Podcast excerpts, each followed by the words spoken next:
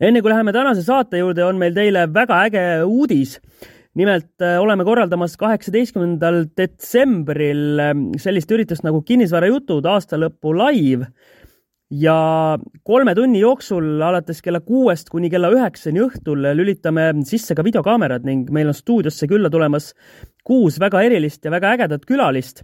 kolme tunni jooksul käivad kaamera ja mikrofonide eest läbi siis kinnisvaraeksperdid Mihkel Eliste ja Tõnu Toompark seejärel staarinvestorid Jaak Roosaare ja Raha Kratt ja naiselikku touch'i annavad siis äh, samuti staarinvestori staatuses olevad Kristi Saare ja Flippi ja Anni-Friit Põder. ehk siis mõnusad äh, kolm meeleolukat ja infot täis tundi saavad need olema. ja kui sa tahad sellest osa saada, siis äh, mine otsi üles koht, kus pääsed ligi piletiinfole ja müüme siis nii äh, online pileteid selle veebiülekande vaatamiseks, kui müüki tuleb ka kakskümmend vipp-piletit, mis kindlasti kiirelt lähevad nagu soojad saiad.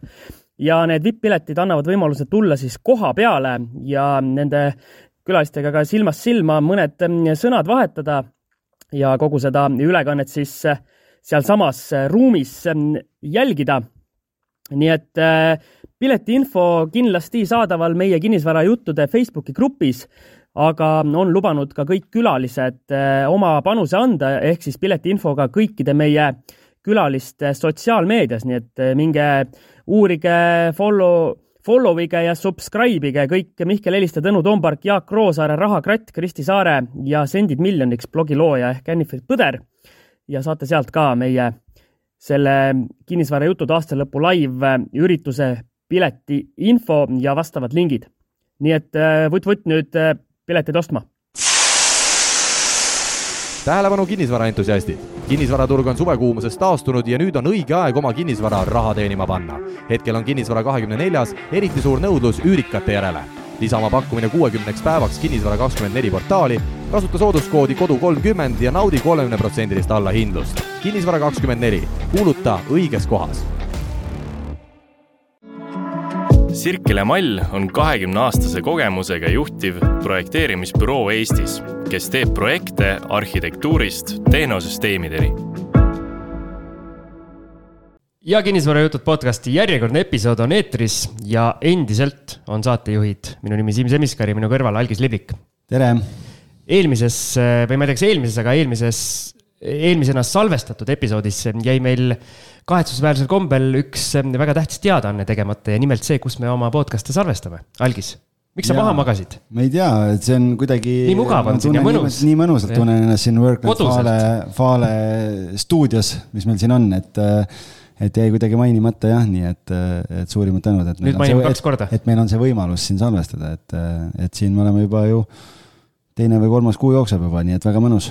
Just, ja me seekord ei ole üksi meil on ka külaline, on nii? jaa, väga hea külaline, nagu meil alati. kus sa meie tänase külalise üles leidsid? tead, meil on olnud siin erinevaid kohtumisi ja kokkupuuteid siin mingite kinnisvaraobjektidega seoses, kus me oleme nii-öelda. nii et põllult ikkagi, jah? jah, ühisosa nii-öelda kaardistanud, et äkki on võimalik koostööd teha, aga, ja sealtkaudu see kontakt on tekkinud ja, ja tegelikult äh, ma olen juba pikalt tahtnud teda meile külla saada, aga mehe, mehe kalender on sama tihe nagu mul, et siis on nagu raske klappima saada ja ja, ja tore, et ta täna siin on, sest me täidame täna ära ühe tühimiku, millest imelikul kombel me kolme aasta jooksul oleme ülivähe rääkinud, ehk me räägime ärikinnisvarast täna. no vot, ja meil on külas siis investor Tõnis Teinemaa, tervist! tere, Siim, tere, Algis ma saan aru, et neid äh, tiitleid oleks võinud su nime ette panna veel, äh, veel väga arvukalt rohkem kui see investor, aga sa oled selline tagasihoidlik mees, et äh, ei hakka siin suurte tiitlitega ennast saate alguses kohe veel nii-öelda märkima, on nii? investor on asi, kuidas ma ennast ise defineerin ka, et see on nagu võib-olla põhiline aga tegelikult sa noh, sa küll tegutsed investorina, aga, aga sa igapäevaselt tegelikult eh, töötad ühe väga suure kinnisvaraarendaja juures, et eh, räägi meile, millega sa tegeled igapäevaselt? ja, et igapäevaselt olen Invego finantsjuht ja Invego on siis Eesti üks eh, võib-olla omanäolisemaid kinnisvaraarendajaid oo, Siimul kolmandat korda elus helistab. ema helistab kas teeme, katkestame korra? Ei. okei okay., no nii, ei laseme ole Tõnisel edasi rääkida. Invego, ma ise mõtlesin selle peale, et kui paljud inimesed Invegot teavad, et tavaliselt Invego tuleb võib-olla mängu siis, kui keegi tahab uut kodu osta.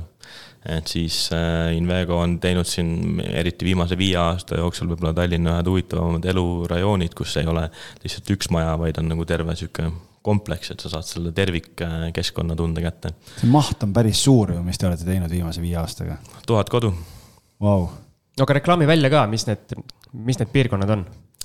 kõige tuntum, kõige suurem projekt on olnud äh, Rannamõisa tee ääres äh, Diskroja elurajoon, kus sai nelja aastaga tehtud äh, viissada kodu. ja selle projekti eripära on see, et see ei ole lihtsalt nagu kaks suurt maja, vaid seal on äh, kuni kolmekordsed majad. ehk siis neid maju on seal üle kolmekümne ja tänu sellele on seal ka väga sihuke kaasaegne elukeskkond tekkinud, et äh, fookus oli eelkõige rohelisus, lastega pered, mängimise võimalused ja autod pandi siis sinna nurka, kuhu neid oli võimalik paigutada nii, et seda kogu keskkonna tunnetust kätte saada. Siim ei tea sellest poolt linna midagi, mina sõidan iga päev mööda sealt ja, ja mul, meil ühed sõbrad elavad seal ja ma olen ühe korteri seal müünud ja üliäge piirkond tehtud tõesti nagu terviklik ja ma saan aru, et sinna on lähiaastatel plaan ka mingi kool peaks tulema kunagi sinna ja lasteaed, aga ma ei tea, kas see on teie arenduse üks osa või on see juba kellegi teise rida? Meie arendus sellega sai läbi, et need viissada kodu äh, tehtud, küll aga meil on sellesama põllu teises otsas ehk siis äh, lahe ääres äh, Lukaranna nimeline arendus, kus me täna edasi teeme ja sinna tuleb kakssada kodu veel, mis on natukene teise rakursiga, kuna see on see merehõng on ka tunda. aga mõlemad on nagu, ma arvan, selle piirkonna kõige ilusamad kodud, kõige, ei ole kõige viimane, kuu aega tagasi müüsin ühe korteri seal Lukaranna arenduses ka, nii et, et Siim ei tea muidugi kindlasti, kus see on jälle, et see on Tabasalu mäe all kohe, kus on. Tabasalu ma tean. kui sõidad Tabasalu poole paremat kätt mere ääres kohe, nii et äh, paar-kolm aastat tagasi müüsin ühe sõbra korteri ära seal, siis laiutas seal sihuke tühermaa ja nüüd on sinna väga, väga huvitav selline paarismajadest ja ridakatest ja kortermajadest selline ridaelamud ja kortermajad Ah,, aga kuna need ridaelamud on seal äh, kohati kolm boksi, et siis ta Jah, tundub sihuke paarismaja just, et ja siis Tabasalu künka peal äh, kuu aega tagasi sai viimane kodu müüdud äh, Tabasalu kodu nimelises projektis, kus olid ka kortermajad ja ridaelamud. et selle nagu suuna peal on olnud viimasel ajal päris palju tegemist. et te olete siis selle nii-öelda ähm, Harku valla poolse külje linnast ja selle Haabersti osa seal käsile, aga, aga need on nüüd kõik ju, Lukaranna hakkab ka ju valmis saama teil varsti vist, et äh, Lukarannas suvel sai valmis sada kümme kodu, praegu on ehituses veel viiskümmend kuus kodu, aga seal annab veel äh, kõvasti teha tegelikult ka, et okei et okay., kes kodu osta tahab, et siis on veel võimalus. et veel, veel saab jaole jah, okei okay.. mul on selline küsimus, kõik arendajad, erinevad arendajad, kes meil saates on käinud ja üldse, keda ma rääkimas kuulnud olen, siis eh, kas teil on kuskil mingi selline koolitus, et te peate rääkima, et kõik asjad on kodud? et eh, ei ole objektid kunagi, ei ole, ma ei tea, korterid, majad, vaid kõik on kodud, et kas see on nagu koolitus eh, kõigile ühine tehtud? Ma arvan, et koolitust kui sellist ei ole, pigem see on naljakas men- mentaalne pool, et ei no vahest äh, finantsjuhina tulles äh, pigem mitte kodude müügist, eks ju, et siis äh, mul endal äh, vahest kirjutan boks või ühik või mingeid muid asju ka. saad pahandada kohe seal. ei saa pahandada, pigem, pigem mulle endale see kodu nagu mõiste meeldib, et, et see nagu lõpuks paneb selle väärtusraamistiku paika, et mida sa teed, eks ju, et me lihtsalt ei, ei ole ehitajad, kes ehitavad mingit kasti, eks ju, vaid me mõtlemegi seda, et me päriselt teeme inimestele kodusid ja me teeme ka mingeid ärihooneid, et need asjad oleksid äh, ka saja aasta pärast elamiskõlblikud, seega tuleb neid asju teha täna parima teadmisega. ja selles mõttes ma, et selles mõttes ma arvan, et eh, sa võid võtta seda kui komplimenti minu küsimust, kuna kui juba inimene, kes otseselt müügiga ei tegele, on eh, nii selle nagu omaks võtnud, et nimetabki koduks selle, siis, siis ongi pigem nagu asi väärtustes, mitte see, et keegi on öelnud, et sa ei tohi öelda boks või, või ühik või mis iganes, et sa, et sa pead niimoodi ütlema. Siim ei tea, kui palju finantsist müügiga tegelema peab, et Peab äh, Ei, iga ei, tea. igasuguseid slaide tuleb teha, on et jah, no vot, Siim ei tea tegelikult paljusid asju. ja, ja, no ma üritan teie järje peale aidata siin kolm aastat, et noh, veits hakkab külge jääma, aga, aga pikk tee on veel minna. kolm aastat veel, siis hakkab esimesed, esimesed lootusekiired paistma. väga hea, aga kui kaua sa oled olnud Invegos? poolteist aastat. Et see taustalugu, kuidas ma sinna jõudsin, oli ka huvitav, et äh, ma olen erinevaid asju teinud, valdavalt ärikinnisvara nurga pealt ja ja enne Invegot äh, sai tegeletud välisinvestorite Eestisse toomisega läbi äh, CBRE, mis on globaalselt kõige suurem ärikinnisvara konsultatsiooniettevõte. Sai koos kolleegidega üles ehitatud siinsest Eesti aru, aga siis, kui Ukraina sõda hakkas ja, ja ma vaatasin, mu pipeline nagu kukkus täitsa nagu nulli. et siis äh, sai ümber mõtestatud, et kas ma jään ootama, kuni see sõda lõpeb, mis oli täiesti hoomamatu, eks võib-olla lõpeb homme, aga võib-olla lõpeb viie aasta pärast. või ma vaatan edasi, et mida nagu põnevat annaks selles uues olukorras teha ja kinnisvaraarendusse minna finantsjuhiks olukorras, kus just on kõik nagu pea peale lennanud. tundus mulle huvitav väljakutse aga räägime sellest peavad, turust. peavad ikka suured munad olema.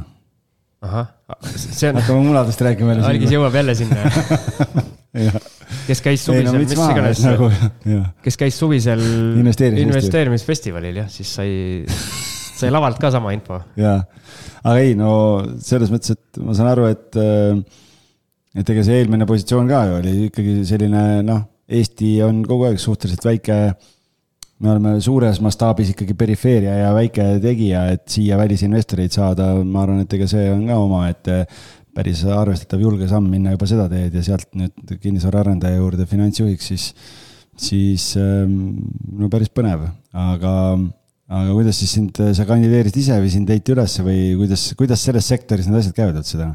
no ta on niisugune kombineeritud äh, protsess, et äh, neil oli äh, äh, protsess seal pooleli, otsisid finantsjuhti ja noh, eks mulle helistati ka ja, ja, ja siis ma pigem olin see, ma ei tea, must hobune või noh, natuke teistsuguse profiiliga kandidaat, et ma ei ole sihuke klassikaline finantsjuht, et. et ka täna selleks, et äh, teha erinevaid finantsjuhi töölõike alates uute projektide analüüsist, mida ma oskan väga hästi. ja siis, kui vahepeal on vaja tegeleda sihukeste bürokraatlike ülesannetega nagu raamatupidamine, mille eest ma vastutan, eks ju, et siis äh, mul on väga hea meel, et mul on selleks äh, väga pädevad kolleegid olemas okei okay ma tahtsin juba enne eelmist küsimust eh, viia siis selle jutu selle turu juurde, ütlesid, et sa tulid eh, sellises turuseisus, tulid ametipostile, et eh, väga suur väljakutse, aga LHV Foorumi püsilugejana mina olen aru saanud, et uusarenduste müügiturg seisab täielikult, põhimõtteliselt pakutakse juba objekte tasuta kõik inimestele kätte, et kõik on pankrotis ja mm -hmm. põhimõtteliselt taevas on maale kukkunud, kuidas tegelikult on? Kuidas tegelikult on, sõltub nagu vaatenurgast, et. mis see sinu vaatenurk on? täna, täna kinnisvaraarendajatel on äh, vaatenurgast täpselt sama palju, kui neid on, et äh, ka meie konkurentide hulgas on neid, kes ei julge täna uusi projekte teha ja siis on need, kellel on need suured munad, et äh, ja, ja me oleme pigem nende hulgas, kes on siin viimasel ajal aktiivselt võtnud osa sellest võimalusest, et kui teised ei julge, siis on mingisugused uued võimalused avanenud. ja kuna see arendustsükkel on väga pikk ja noh, Tallinna näitel kümme aastat ei pruugi olla üldse see aeg, kus sa saad päriselt nagu võtmed kätte kliendile anda siis äh, me kasutame seda võimalust, et, äh, et aktiivselt tulevikus midagi veel ägedat teha. ja seda nii Tallinnas kui Riias aga ka tänases äh, kontekstis, et mm, ütleme, niisuguse analüütilise taustaga inimesena minu jaoks on äh, okei okay,, kui turul on tehinguid vähem. et kui täiesti null oleks, siis oleks nagu keeruline, aga ei ole täiesti null, et ma selleks, et ma ei valetaks, võtsin mõned numbrid kaasa, mis meil siin toimub. Ja ka kolmandas kvartalis ehk siis viimase kolme kuuga Tallinn-Harjumaa müüdi kolmsada kuuskümmend uut uusarenduse korterit et äh, kas seda on palju või vähe, see sõltub vaatenurgast, aga, aga ma ütleks, et selle pealt annab nagu äriplaane teha küll noh. et ta ei ole see ralli, mis siin oli mul kaks aastat tagasi, aga, aga ta ei ole nagu surnud. aga siin vahepeal siis ei ole kordagi sellist hetke olnud, kus see ostja oleks täielikult ära kadunud? võib-olla selle aasta jaanuar-veebruar olid siuksed mm -hmm. momendid, kus müügimehed istusid ja ütlesid, et noh, et ei tea, mis toimub. aga, aga peale seda hakkas ikkagi nagu vaikselt taastuma ja, ja täna selgelt ma ei alahinda Euribori mõju, et mul on ka suhteliselt äh, alus maksta oma kodulaenu. aga kui võtta see vaade, et meil on inflatsioon ja inflatsioon tegelikult viib kõik neid sisendhindasid kallimaks kogu aeg, millest lõpuks see kinnisvara hind äh, kokku tuleb uusarenduste puhul, äh, siis ma olen veendunud, et viie aasta pärast kinnisvara on kallim kui täna ja, ja see on lõpuks see argument, et miks maksta äh, Siimule üürikorteri eest üüri, kui sa võid ikkagi maksta pangale ja lõpuks sa oled selle omanik ise, et. ma leiaks sul umbes kümme vastust, aga see on mõne teise saate teema aga tegelikult ma tahtsin küsida, mina elus ei ole ostnud ühtegi, ühtegi uusarenduse objekti ja tahan su käest küsida, et milline see inimene on, kes ostab, ostab tänapäeva Eestis uusarenduse kellel te nii-öelda nagu profileerite oma, oma toodet, on see erinevas asukohas erinevatel nendel arendustel erinev või on ikkagi mingi, mingi kindel inimene, keda te sihite? Eks ta ikka erinevas arenduses on natukene erinev, sest asukoht lõpuks drive ib seda, et kes seal piirkonnas juba täna elavad ja keda me näeme, kes seal võiksid elada. aga iga arendus peab olema võimalikult äh, laiale sihtgrupile, et me ei ootaks sinna ainult algist ostma, eks ju, vaid saaks ka Siim ja Tõnis tulla, et. ja meil inimesi ühiskonnas on üsna erinevaid ja, ja alates noortest, kes ikkagi loovad oma pere, ostavad esimest kodu, kuni siis äh, inimesteni, kes võib-olla ostavad oma kolmandat kodu, eks ju, ja on vahepeal upgrade inud ja, ja liikunud äh, edasi, et, selles mõttes uusarenduste puhul ma ei ütleks, et siin on mingi üks selge sihtgrupp. noh, küll see vahe on, et äh, lihtsam on osta Mustamäele vana paneelikas, sest see on odavam lihtsalt ja uusarenduse ostuks sul peab olema see finantsiline võimekus aga kui nõudlik äh, selline keskmine Eesti inimene on, kas siis asukoha mõttes, kas siis kvaliteedi mõttes, kas siis infra mõttes, ükskõik mõttes keskmine Eesti inimene on ka muidugi hea. ma ei tea, kes see keskmine Eesti inimene on. et mu ema. keskmine ruutmeetri hind on, see on sama küsimus. jah, et äh, mu ema on alati öelnud, et tema on keskmine Eesti inimene, et äh, ta arvab, ta pole kunagi ühtegi IQ testi teinud, aga ta arvab, tal on umbes sada ja siis ta lähtub sellest, et ta on keskmine Eesti inimene, seega kui Emor teeks küsitlusi, siis ta hea meelega võib igal pool vastata kohe, mis on õige vastus, et. Äh. okei, okei, võta siis oma nii-öelda ema võtta nagu selleks sihiks, et ja, ja kui ma talt vahest küsin mingeid asju, siis ega ma saan ka adekvaatseid vastuseid, et ma üldse ei alahinda seda. aga võib-olla, võib-olla jah, sihukest keskmist äh, otseselt ei ole, et. aga selle nõudlikkusega, on Eesti inimene nõudlik? kindlasti, aga ma arvan, me oleme ise veel nõudlikumad, et äh, see töökultuur, mis meil Invegos on, võib-olla natuke teistmoodi kui, kui mõnes teises kohas, et, äh, et meil teadlikult me oleme proovinud kokku valida inimesed, kes on oma ala tipp-professionaalid. ja, ja me tahame teha ise sellist asja, kus me päriselt ise elaksime et vahet ei ole, kus asub, et kas ta asub seal äh, Luka rannas või ta asub äh, Uus-Järvekülas, kus me koos Efteniga teeme. või me teeme mingit ärihoonet, et siis ka seal mõtleme, et kui me ise tahaksime seal töötada, eks ju, et siis iga detail alates sellest, kus see andur seina peal on, eks ju, või mis värvid on, et siin mustal seinal on teil valge andur, eks ju, et me. proovime neid asju ikkagi timmida nii, et, et need ei häiriks ja need oleks ilusad ja et nad oleks ka jätkusuutlikud ja võib-olla see äh, jätkusuutlikkus on teema, mis täna kõigil nagu meelel ja energiaklass on ka asi, mis kõik ütlevad, et noh, mul on A energiaklassi hoone. aga see on sellepärast, et see on nõutud, eks ju, tegelikult see ongi see miinimum, mida sa tegema pead, et meil mõtteviis käib pigem niipidi, et me tahame teha äh, midagi ilusat, midagi ägedat ja siis see peab mahtuma nendesse raamidesse, sest selles asukohas on eelarvelised piirangud on sellised, aga kui me võtame ka kaasa ka Eesti tipparhitektid, mis siin Vegas on standard, siis me saame koos teha ka mõistliku eelarvega midagi natuke paremat. algis on sõnatu. ei, lihtsalt äh, jäin kuulama, mõtlesin, et, et kas sa tahad küsida, aga ma võin vabalt ise, ise küsida, et äh, te tulite üsna värskelt tegite siin kõva PR-i äh, lükke, et tulite, tulite välja sellise omalaadse pakkumisega, et kui tavapäraselt on ehitusgarantii on kaks aastat, siis selle asemel teie pakute nüüd kõikidele müüdud kodudele viieaastast garantiid, et äh, kuidas nüüd siis tegelikult on, et kas see on praegusest kehvast müügist tuleneva PR trikiga või see on mingi asi, mis on tulnud selleks, et jääda?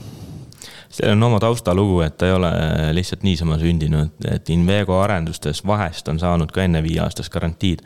see on küll kaasas käinud äh, nii-öelda lisavõimalusena, et sa pead selle eest maksma. aga meie jaoks äh, soov, kui me teeme neid ilusaid kodusid, kus me näeme, et neil on pikaajaline väärtus ja et see pikaajaline väärtus võiks kajastada ka lõpuks selle kodu ostja müügihinnast, kui ta kunagi müüb äh, käib selle viieaastase garantiiga kaasas, et me kindlasti ei näe seda lühiajalise sihukese müügimõjutusmeetmena kui ta sellele kaasa aitab, see on suurepärane. aga pigem me näeme sellena, et, et me päriselt tahame, et meie kodud oleksid kvaliteetsed. sellest lähtuvalt me oleme endale sisemised standardid pandud, mida me peame oma protsessis selleks paremini tegema, et päriselt see ka kestaks viis aastat. ja kui seal on siis vahepeal probleeme, siis see on täiesti okei okay,, et me teeme garantiitööde raames need asjad korda ja siis ise maksame selle kinni ma seda tahtsingi küsida, et noh, tavaliselt on nii, et kaks aastat saab täis, siis tehakse mingi checklist, need asjad on vaja ära teha, et noh, et see viis aastat tundub nagu selline aeg, et noh, ma ei tea, kuskil tüüpprobleemid on see, et kuskile seina või lakke või kuskile laenurka või äärde tulevad mingid praod või, või noh, ikka mingeid erinevaid asju tuleb selle ajaga välja. et siis klient, panete nüüd kliendi ootele, et, et just mõtlesingi küsida, et noh, et kas siis nüüd peab viis aastat ootama nende pragudega elamist, et et lükkate tehtavaid töid ja kulusid edasi või teete jooksvalt ka kuidagi, lepite kliendiga kokku, et mingi X aja tagant teeme need asjad ära? edasi me kindlasti ei lükka, et see sihuke standard kahe aasta pealt vaatame asjad üle jääb alles, see viie aasta pool on pigem äh, täiendav garantii, et, et sa tead, et sul viis aastat on nagu uue autoga, et põhimõtteliselt kõik mured, mis sul on, et need ei ole sinu mured, eks ju. ja, ja see autodega võrdlus oli ka asi, mida me ise arutasime siis, kui me sellega tegime, et, et mõtlesime, et, et miks autodel on nii, et sul on pikk garantii ja kodusid tehes keegi ei julge nagu anda, et, et kas me arvame, et meie kodud on kehvemad, ei ole, meil on väga head kodud ei, väga äge, see on minu arust nagu ülitervitatav äh, asi, et aga noh, sellega muidugi on see, et enda kulubaasi ka ikkagi päris oluliselt kasvatate, selles mõttes, et, et seal selle kolme-nelja-viie aasta jooksul võib neid asju ju välja tulla, et kas see siis kajastub selles äh, hinnakirjas ka kohe või? müügihinna paneb paika turg ikkagi ah,. Okay. Mitte kulubaas üllatav on see. ma mõtlesin, et Tõnis Excel paneb paika minu, minu Excel võib-olla annab mingi indikatsiooni, kas projekti teha või mitte, aga edasi on turg ikkagi see, mis äh, mõjutab seda. et minu jaoks üllatav oli, et see kodude arendus on äh, palju äh, lineaarsem protsess, kui ma arvasin, et ma tulin maailmast, kus olid Exceli tabelid palju pikemad.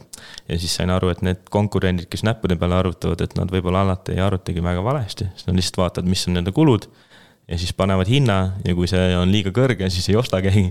ja kui sul tuli välja, siis ostetakse, et. Äh. nii et näppudel saab ka asju teha, arvutada, ma mõtlen. ikka saab jah no,. lihtsalt vahest läheb valesti, aga noh, et Excel aitab, et ei läheks valesti. siis Tegid, oluline on, et. see on minu strateegia. et oleks kümme sõrme, et ei ole siin. just aeg-ajalt. meestega tegemist jah, et. siis on võimalused oluliselt piiratumad oh jah. nii, aga kuidas sa ise, noh, ma ei tea, sellest nüüd on mõned nädalad vist on möödas sellest, kui te tulite turule, et, et mis sa ise arvad, esiteks, mida sa arvad, kuidas turg sellele reageerib ja, ja teiseks nagu ma ütlen, turg nagu nii kliendi vaatest kui ka konkurendi vaatest, et, et kas saab sellest nagu turu uus normaalsus või siis peavad teised teid meeleheitel hulludeks, kes nüüd üritavad siin mingit paleepööret teha?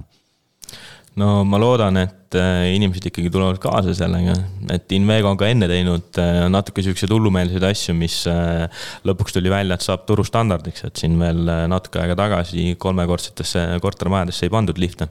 Invego oli esimene, Diskroja projektis panime ka liftid kolmekordsetesse majadesse. Ja täna tegelikult see on juba edumeelsetel arendajatel standard et kui me saaksime sellega turgu muuta kvaliteedi suunas, mis tegelikult ju lõpuks selle garantii nagu taustal on, eks ju, siis me oleksime väga uhked selle üle. super. ma ei teadnudki, et kolmekordsetesse lifte pannakse. no vot, tule vaata. peab minema algis müüb, müüb sulle mõne korteri ka. no vaata, ma otsin, kes, kes tahaks müüa, et äkki kolid ka lõpuks sinna teisele poole linna ära, et. aga mis ma siis oma portfelliga teen no,? pean läbi linna sõitma kogu aeg. siis müüd selle ka ära ja ostad, optimeerid ärge, ärge hakake nüüd siin kaks-üks survestatakse yeah, yeah.. ei, üldse ei survesta, et lihtsalt. ei survesta jah yeah.? lihtsalt tule ja vaata. tule vaata lifti. sõida liftiga ja. tule vaata lifti. jah, tule sõida liftiga. õige. ja, hea mõte. kuule, kas teeme väikese lumivärava pausi ja siis äh, liigume sinna, mis me lubasime, et äh, räägime siis ärikinnisvarast ja vaatame, mis Tõnise portfellis toimumas on. nii teeme Sirkele Mall on kahekümne aastase kogemusega juhtiv projekteerimisbüroo Eestis, kes teeb projekte arhitektuurist tehnosüsteemideni. lumiorav joodud ja jätkame ja räägime siis äh, sinust kui investorist, et, äh, et see, mille pärast me sind siia kutsusime ja miks ma sind ammu siia laua taha olen tahtnud saada, et äh, et aga enne, kui me võib-olla päris sinna ärikinnisvarasse sukeldume, võib-olla läheks nagu päris pika sammu tagasi, et kuidas sa üldse jõudsid investeerimise juurde ja, ja millal? investeerimise juurde jõudsin koolis kuskil üheteistkümnendas klassis, vahetunnis, siis kui oli aega Tallinna börsil mingeid aktsiaid osta, ülejäänud aja pidi tunnis olema. ja kuna börs oli lahti kümnest neljani, siis no mul ei olnud väga võimalusi, et mingit muud aega kasutada. kust üks üheteistkümnenda klassi õpilane tuleb selle peale, et oh, võtaks Tallinna börsi lahti ja hakkaks investeerima? ja ma jätkan seda küsimust, miks meie algisega selle peale ei tulnud? ma ei tea, miks teie ei tulnud selle peale, see täna on nagu rahvasport, et siis, kui mina alustasin kaks tuhat üheksa, siis ta ei olnud veel nii populaarne aga võib-olla sellepärast, et ma olin uudiseid lugenud juba paar aastat selleks ajaks aktiivselt ja kui sa ikkagi näed kogu aeg, kuidas majanduses midagi toimub ja aktsiahinnad lähevad üles-alla ja mõtled, et aga ma oleks võinud ju ka raha teenida, et miks mina siis ei saanud osa sellest kaks tuhat üheksa vist ei olnud jah populaarne, sest ilge litakas oli ära käinud, aga seal kaks tuhat viis, kaks tuhat kuus, ma saan aru, viidi kilekotiga seal raha börsile ja pandi magama niimoodi, et äh, homset ei ole. siis mul raha ei olnud kahjuks. Õnneks nii ja mis sa siis ostma hakkasid või, aga kust sa, kust sul tuli see teadmine, mingeid raamatuid lugesid, mingeid blogisid, kust sa jõudsid? ei midagi ikka, aga noh, tol ajal ei olnud väga palju eestikeelset kirjandust, et äh, siin äh, noh, ütleme tol hetkel oli klassika Rikas isa, vaene isa, mis on minu arust sihuke inspiratsioonikirjeldus natukene, et äh, võiks raamat olla kolm korda lühem ja saaks sama info edasi anda, aga kui sul nagu midagi muud lugeda ei ole, siis see oli päris hea sihuke nagu sisend.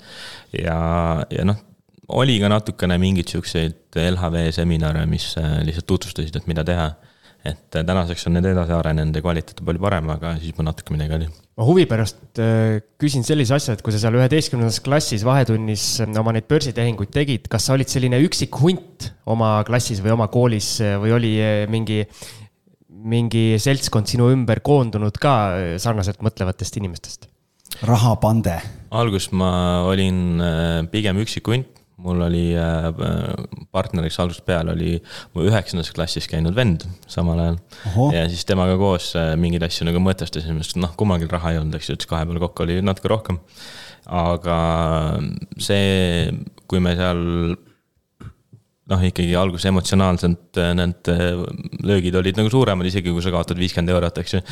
et siis see ja kui võidad, siis see on äge, et siis see natuke inspireeris ka mõnda teist, kes kõrval oli ja ja siis äh, oli meid juba mitu, kellel oli huvi selle vastu. aga mäletad sa oma päris kõige esimest äh, aktsiaostu ka, et mis ettevõte see oli? Tallinki aktsia oli äh, ja see oli sihuke moment, kus veri oligi tänavatel ja. veri oli laevas inimesed arvasid, et see laev on varsti põhjas, et ja suhteliselt juhuslikult pool aastat peale seda, kui ma ostsin, siis aktsia hind tõusis seitsekümmend protsenti kaks tuhat üheksa oli see? ja mul ei olnud äh, raha küll seal palju, aga kasvõi see mõned kroonid, mis tol hetkel teenitud sai, see nagu motiveeris edasi asja vastu uurima. ja kui hiljem sai ostetud erinevaid aktsiaid on tehtud, siis äh,, siukseid võite enam ei olnud, aga midagi vaikselt kogunes, et aga üheteistkümnenda klassi õpilasena, mis aasta oli, kaks tuhat? üheksa. üheksa, ähm, kes konto tegi? Äh, mina tegin, minu arust ma olin kaheksateist ikkagi ah.. aga mu vend oli väga solvunud LHV peale, sest äh, temale ei lubatud kontot teha, ta ei olnud kaheksateist. et no, ta mõtles, et ta nagu keerutab raha juba tükk aega, aga nagu oma kontot ei või olla, noh, kuidas nii. sa ütlesid talle rahulikult, patsutasid vastu pead, et kasva poiss, kasva anna ma... kõik venna kätte hiljem ka panganduses töötanuna no, ma olen näinud, et äh, on päris palju bürokraatiat ja see äh, ei sobi iga inimese nagu taustaga, et lihtsalt on mingisugused reeglid ja ela või sure, noh okei okay,, aga lähme sinnamaani, millal sinust sai kinnisvarahuviline või kinnisvarainvestor, et kuidas see teekond käis sealt börsilt kinnisvarani? Kinnisvaraga on niisugune naljakas lugu, et äh, mu vanemad on äh, Siimu stiilis kinnisvarainvesteeringuid teinud. ma loodan, et see on heas mõttes öeldud.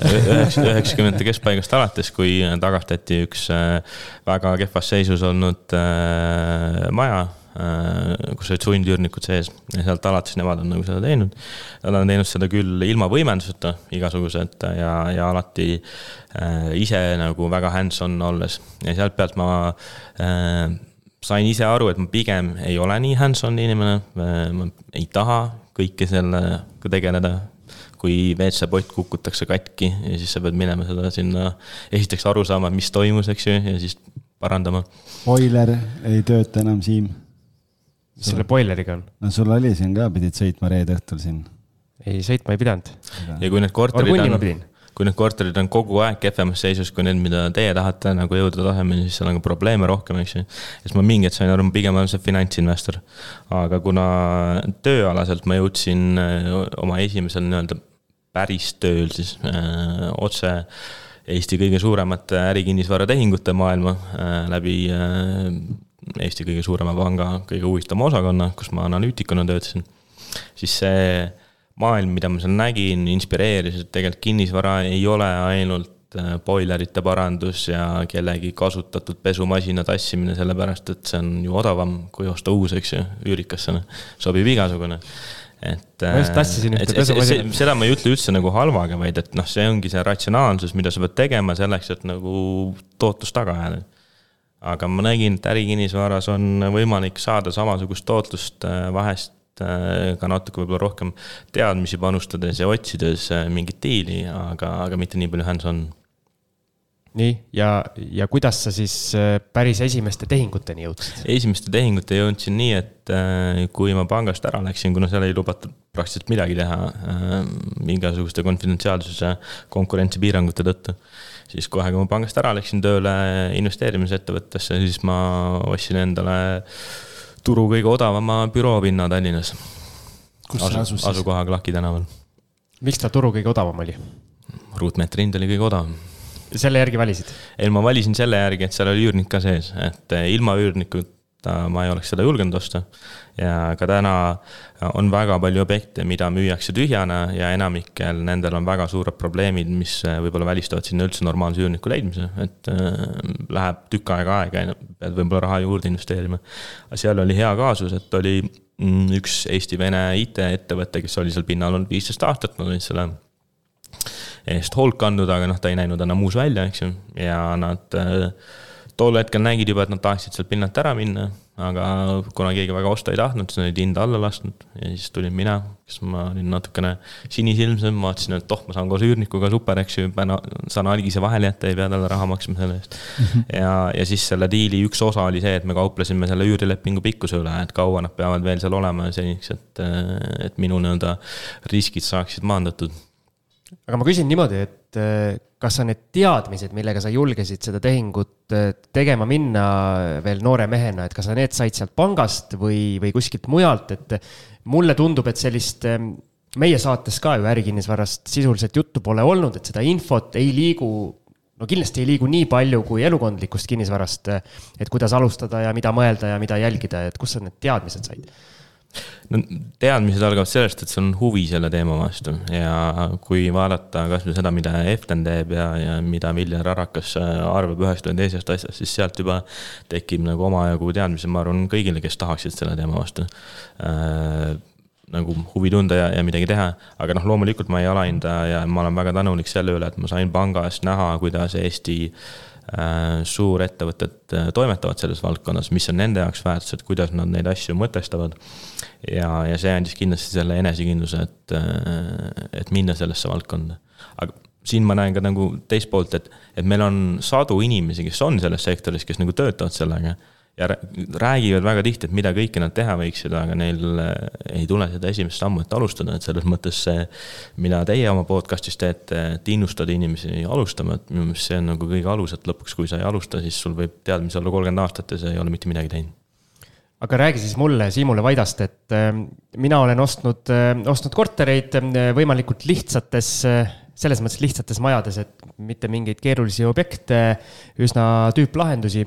mida ma peaks teistmoodi tegema või teistmoodi teadma, kui ma tahaks sukelduda ka äripindade võrratusse ja võluvasse maailma?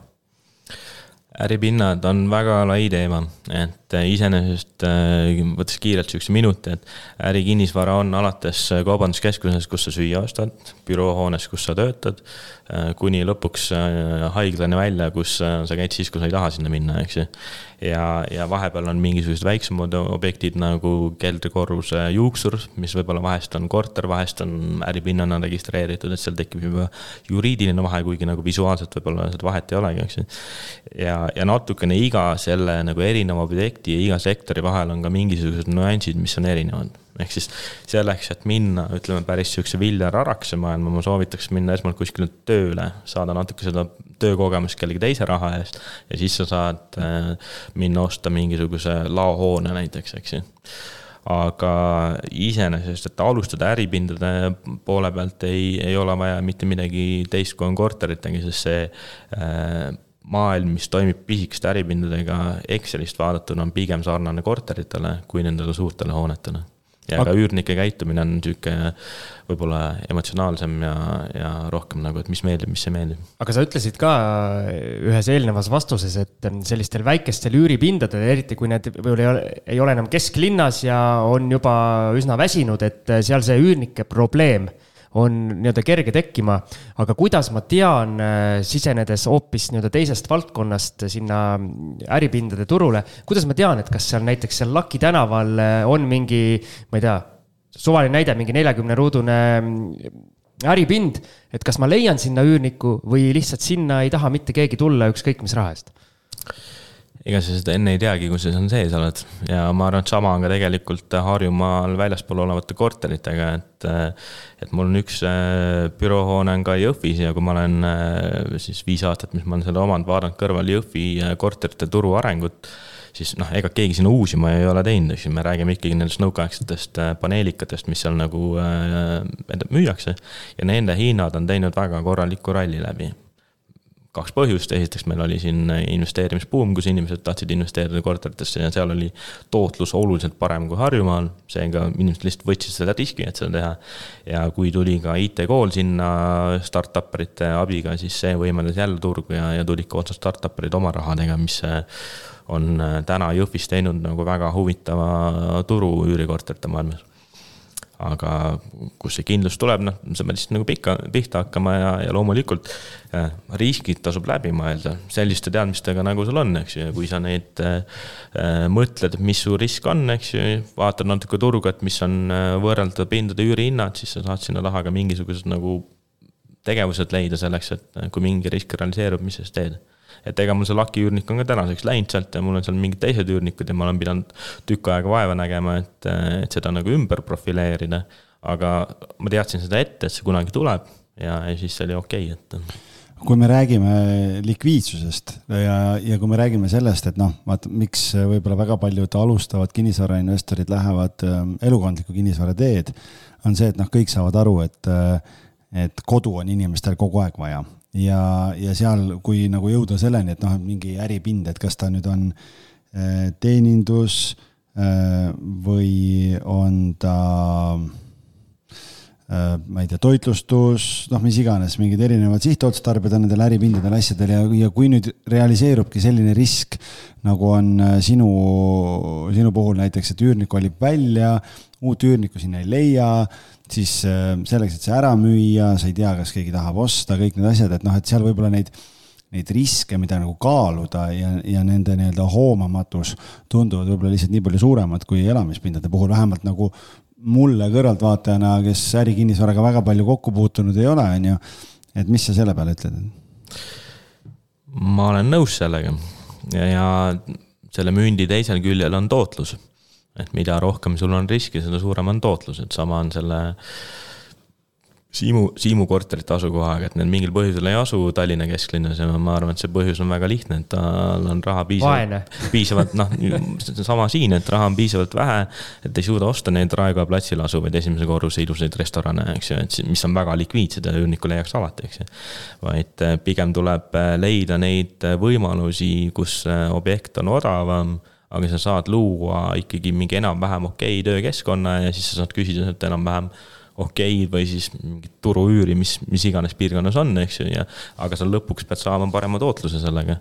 ja, ja ma ütleks, et see on ka võib-olla siukse minu personaalse investeerimise puhul äh, põhi nagu trigger, et millest ma lähtun, et, et mul ei ole geograafilist piirangut äh, või noh, on, see on Eesti aga ma olen käinud ka Põlvas vaatamas kaubandushoonet, ma olen käinud Kärlas vaatamas ühte hoonet, mis viimased viisteist aastat ei olnud kasutusel, mõttega, et äkki saaks sinna üürikortereid teha äh, hüpates siis nüüd ärikinnisvarast välja, aga, aga noh, mõte oli, et äh, kui see on piisavalt kiiksuga, siis äh, äkki ma saan oma Exceli tööle.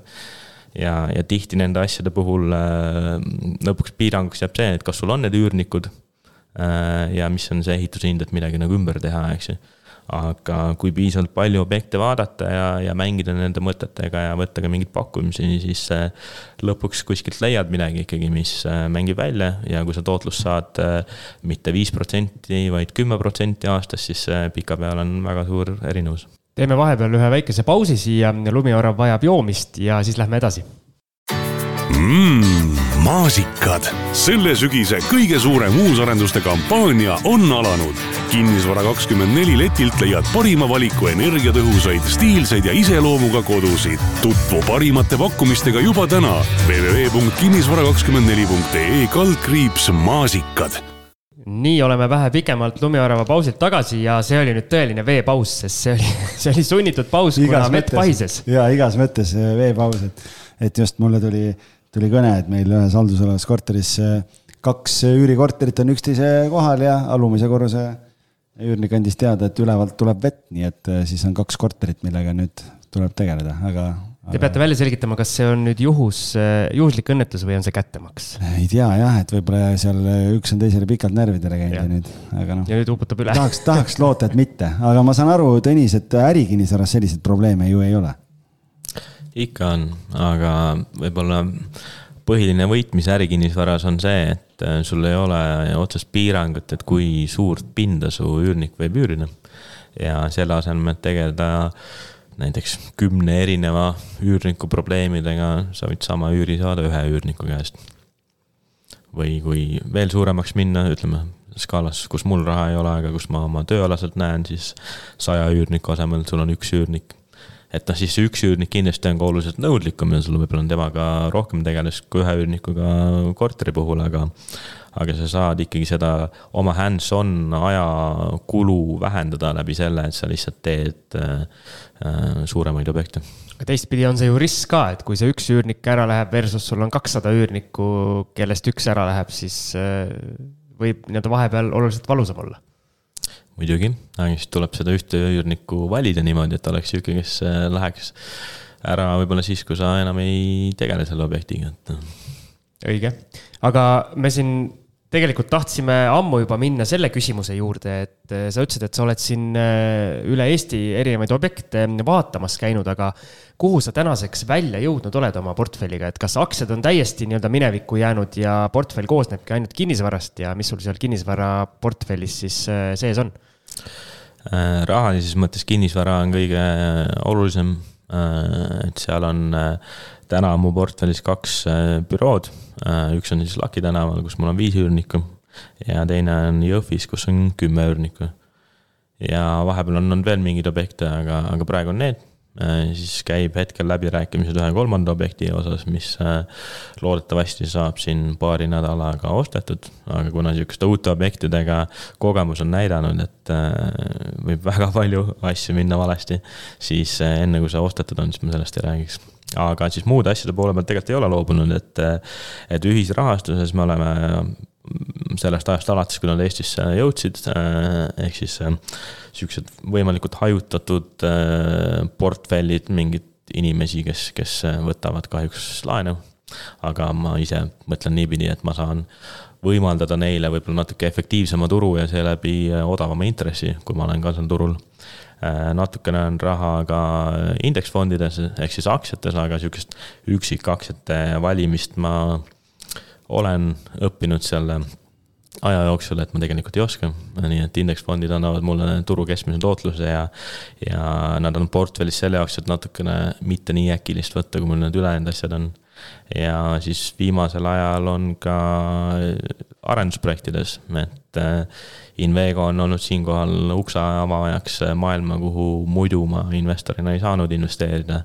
ja, ja nüüd me oleme oma töötajatel teinud võimaluse igasse uude projekti kaasa investeerida räägi, kas vend on sul ikka investeerimise mõttes kambas või tema jätsid siis nii-öelda tagasi, tagatulesid vaatama, kui ta kümnendasse klassi läks, et aitab küll? tema on ikka kambas, aga tema on nendes nii-öelda mitte kinnisvara asjades kambas. et tema ei ole kinnisvara pisikuga, sa ei ole suutnud teda nakatada? Äh, ma arvan, et isegi küsimus ei ole selles, aga ta töö, tööandjal on äh, piirangud, et mida ta investeeringul teha võib, et. okei aga milliseid äripindasid sa vaatad, et ma saan aru, et siin noh, büroopinnad ja, ja nii edasi, et kas see ongi nagu see kindel segment, kuhu sa oled läinud või, või sa vaatad nagu nii-öelda laia horisondiga, et kuna töö on õpetanud mulle mõtestama ka hotelle ja laohooneid ja igast muid asju, siis iseenesest nagu mentaalset piiri ei ole ja ma olen vaadanud äh, ka neid. Äh, pigem äh, piiranguks on see rahanumber, et ärikinnisvaras igal juhul alus on võimendus, eks et sa võtad pangast nii palju laenu, kui sa saad. siis vaatad, palju sul endal sahtlis on ja siis sellest sõltub objekti hind, mida sa osta saad. aga enamik neid objekte, mis ei ole nii-öelda see prime, eks ju, vaid kus võiks mingit tootlust saada, mis asuvad võib-olla väljaspool Harjumaad, kipuvad olema üsna keerulised ja, ja selles mõttes äh, äh, siuksed lihtsad kaubandusobjektid kuskil esimesel korrusel ja, ja bürood on, on kõige riskivabamad ja kui ma vaatan siin nii-öelda üle Eesti, siis ma eelkõige proovin osta ainult koos äh, üürnikega. aga noh, ma olen ka vaadanud näiteks hooldekodusid, et siin äh, see on sihukese suurte poiste liigas äh, väga huvitav äh, valdkond, mis äh, nähakse trende aastakümneteks. ja väikeste poiste liigas on mõned hooldekodud olnud, mida on, on pakutud, aga seal ma olen jäänud eelkõige selle taha, et, et on mingid agad olnud, mis ei ole ikkagi lõpuks välja mänginud ja, ja või on tootlus vale olnud see hooldekodude värk, see vist on selline suur megatrend, et paratamatu on, et rahvastik vananeb ja ühel hetkel me oleme olukorras, kus see hooldekodude segment vist äh, võib äh, nendele investoritele, kes õigel ajal rongil on, päris nii-öelda kasumlikuks osutuda. kindlasti jah, et noh, teiselt poolt äh, äh, hooldekodude kvaliteet Eestis on täna veel suhteliselt madal. et investorina, kui ma ühte käisin vaatamas äh,, siis mul oli natukene kurb selle objekti külastades et kui sul ikkagi null jahutust on selles hoones ja ventilatsioon on ka ainult väljatõmme mõnes ruumis, siis sul on äh, seal suhteliselt palju inimesi, kes on oma äh, pika kogemuse sihukeses lõpujärgus.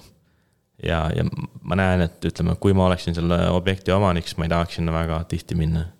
et siis see oli ka natuke sihuke, et äh, et iga objekt võib-olla ei ole lõpuks, lõpuks see, mida nagu omada tahaks, et ma pigem ikkagi tahan olla see investor, kes ostab äh, kolme seinaga ja natuke lekkiva katusega maja. ja siis ma teen seda paremaks ja isegi kui see ei ole nagu see turu tipp, siis ma tean, et ma olen panustanud sinna, et inimestel on toredam olla Siim Vaidast nüüd küsib sellise võib-olla rumala küsimuse, aga kui, kui mina ostan korterit, siis see on üsna selline sirgjooneline asi, et ma lähen vaatama, on väike hinnaläbirääkimine, läheme notarisse ja saan võtmed kätte. kuidas käib äh, just protsessina ühe sellise äh, büroohoone, oletame, nagu sa ütlesid, Jõhvis kümme üürnikku, sellise büroohoone kogu see ostuprotsess see sõltub sellest, kes sa oled, et ma toon näite, et kuidas võiks osta mõni institutsionaalne investor, äh, äh, näiteks fond, äh, mõnda suurt büroohoonet, olles olnud töös, kus ma pidin aitama neid, siis tavaliselt büroohoone ost käib niimoodi, et on müüja, kes valmistab ette viiekümne leheküljelise põhjaliku kokkuvõtte sellest objektist. seal on toodud välja kõik olulised aspektid selle hoone kohta, mis proovivad seda müüa siis tehakse pakkumisi sinna, tuleb võib-olla viis kuni kümme erinevat pakkumist, äh, nende vahelt valitakse välja üks-kaks parimat, kellega minnakse siis due diligence'i, kus neile antakse kolm kuud aega selleks, et kõik detailid käia läbi, äh, kõik lepingud üle vaadata, ehitustehnilisi asju, kutsuda peale kuus eksperti igast valdkonnast, kes vaatavad hoone nii põhjalikult üle, nagu seda pole kunagi vaadatud ja siis selle due diligence'i perioodi lõpuks äh, loodetavalt jõutatakse sinna, kus äh, maja vastab nendele tingimustele, mis oli presenteeritud ja siis tehakse suhteliselt sirgjooneline tehing.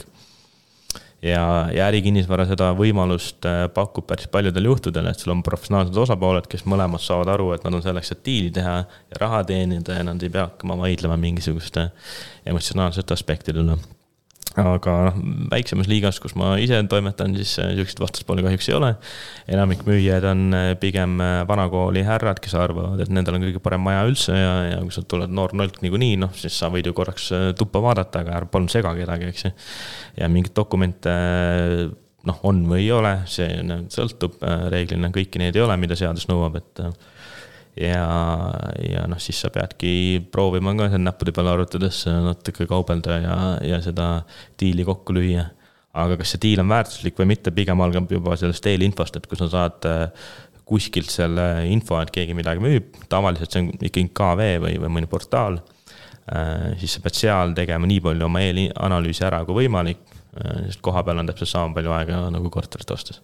ja kui, kui siis sa saad diili kokku, siis siis, siis võib hästi olla. ma just tahtsin seda öelda, et miks ma siin Siimule näppu vibutasin, oli see, et äh, kuna ma olen siin ka töötanud mingite investoritega, kellel, kellel äh, me oleme vaadanud objekte siin äh, ühest miljonist kuni kaheteist miljonini ja, ja aitad seal rahavoogude asja seal vaadata ja värgid ja siis nagu tavaliselt on see, et kui mingi selline, noh, me oleme hotellid, mingid üürimajad, noh, erinevad objektid, on ju. ja siis mul on ka mingi pikk nimekiri küsimusi, millele ma tahan vastuseid saada ja siis kuidagi nagu mind paneb ka nagu imestama see, et, et nagu müüja pool või siis ka müüjat esindav maakler lihtsalt nagu eeldavad, et ma panen selle hotelli kuulutuse nüüd, panen ülesse või isegi kui ta tuleb nagu mitteavalikuna mulle postkasti, siis see on umbes mingi ühel Wordis ühel A4-l umbes müügihind, ruutmeetrid, noh, mingid asjad ja siis võib-olla on kuulutuse link veel juures. kõik on ju, ma küsin ta ka kui palju on rahavood, millised on kulud, noh, kõik hakkad neid lugema. Ja siis on nädalaid on vaikus, sellepärast et müüja esindajal ei ole seda infot.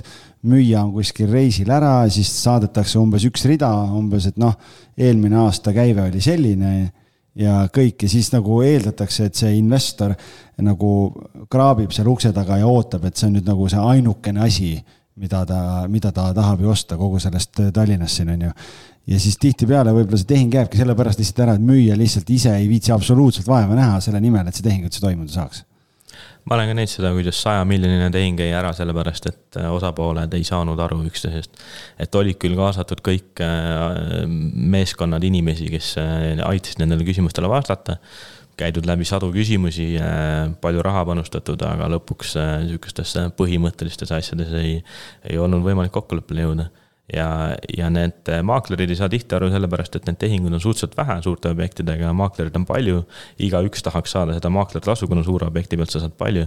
aga see reaalne töö, mis seal taga peab olema maakleri poolt, seda nagu unustatakse ära ja, ja tegelikult siis see lõpuks jõuabki sinna, et Eestis on nagu kümmekond maaklerit, kes oskavad seda tööd teha neid reeglina kasutatakse ja ülejäänud siis tuhat ei tegele sellega, et aga sa seal ühes vastuses ütlesid, et eh, oled põrkunud sellise suhtumise vastu, et sina noor nolk, et eh, mis sa siit otsid, et eh, on see nii-öelda päris elus enesest, et oledki läinud mingit objekti vaatama ja saad, saadki sellise suhtumise osaliseks, kuigi sa oled müüja, kes võib-olla, võtab ostja, kes on valmis sellele müüjale seal päris nii-öelda suure raha tooma, aga, aga justkui ei taheta vastu võtta loomulikult, et seda kahjuks äh, esineb ja, ja ma olen ka Narva sõitnud äh, ühte objekti ostma, teadmises, et ma ostan selle ära, sest äh, see info, mis ma sain kuulutusest, oli, oli piisavalt atraktiivne, et, et ühte äripinda ära osta.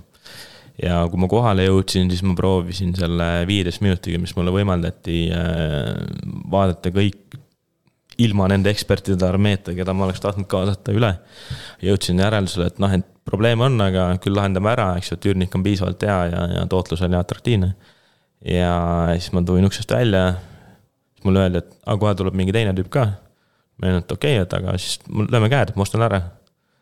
ütles, noh, jah, aga noh, et ta vaatab veel teise tüübiga ka üle, siis ma ütlesin, et okei okay,, aga noh, et helista mulle, ma käin lõunal ära, eks ju, et siis räägime edasi aga et noh, et ma ei öelnud kohe, et ma hakkan üle maksma, eks ju, miks ma peaks seda ütlema, siis ta ütles, ma ostaks ära, eks ju, aga noh, räägime. ja siis, kui ma lõunalt äh, ära käisin ja helistasin talle, küsida, et noh, et mis siis seis on, eks ju. ta ütles, et aa, ta juba müüs teisel tüübil maha. siis ma ei saanud nagu täpselt aru, et milles nagu asi on, et ma ju ütlesin, ma ostan ära selle ja siis sain aru, et noh, et see taandus sinna, et eh, teine oli sihuke vanem härra, kes tuli ja surus käppa ja noh, et eh, asi tehtud. ja mina olin siis oma sihukese arvamusega, et äkki küsiks liiga palju küsimusi ja, ja siis veel nagu noh. tekitasid probleeme ühesõnaga tema arvates? mingi probleem nost no,. mis sa uurid nii palju?